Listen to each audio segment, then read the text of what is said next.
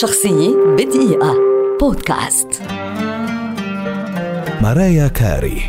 مغنية كاتبة أغان منتجة وممثلة أمريكية شهيرة. ولدت عام 1970 وتعد واحدة من أشهر المغنيات على مستوى العالم في عصرنا هذا. وتمتاز بقدرات صوتية هائلة إذ يصل مداها الصوتي إلى خمسة أوكتاف.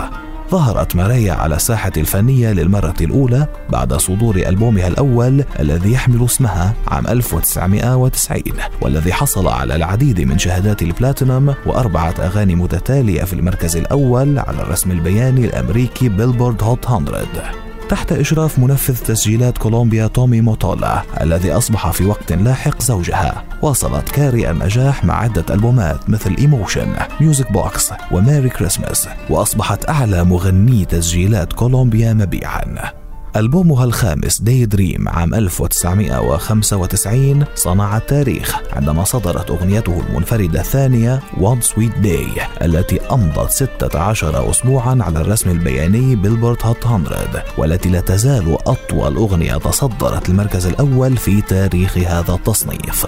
بعد فترة من الإخفاقات وبعد فشل فيلمها الأول Glitter عادت مرايا إلى النجومية العالمية مع ألبومها العاشر The Emancipation of Mimi عام 2005 الذي صارت أغنيته المنفردة الثانية We Belong Together أنجح أغنية لها في عقد الألفين وسميت في وقت لاحق أغنية العقد من قبل مجلة بيلبورد.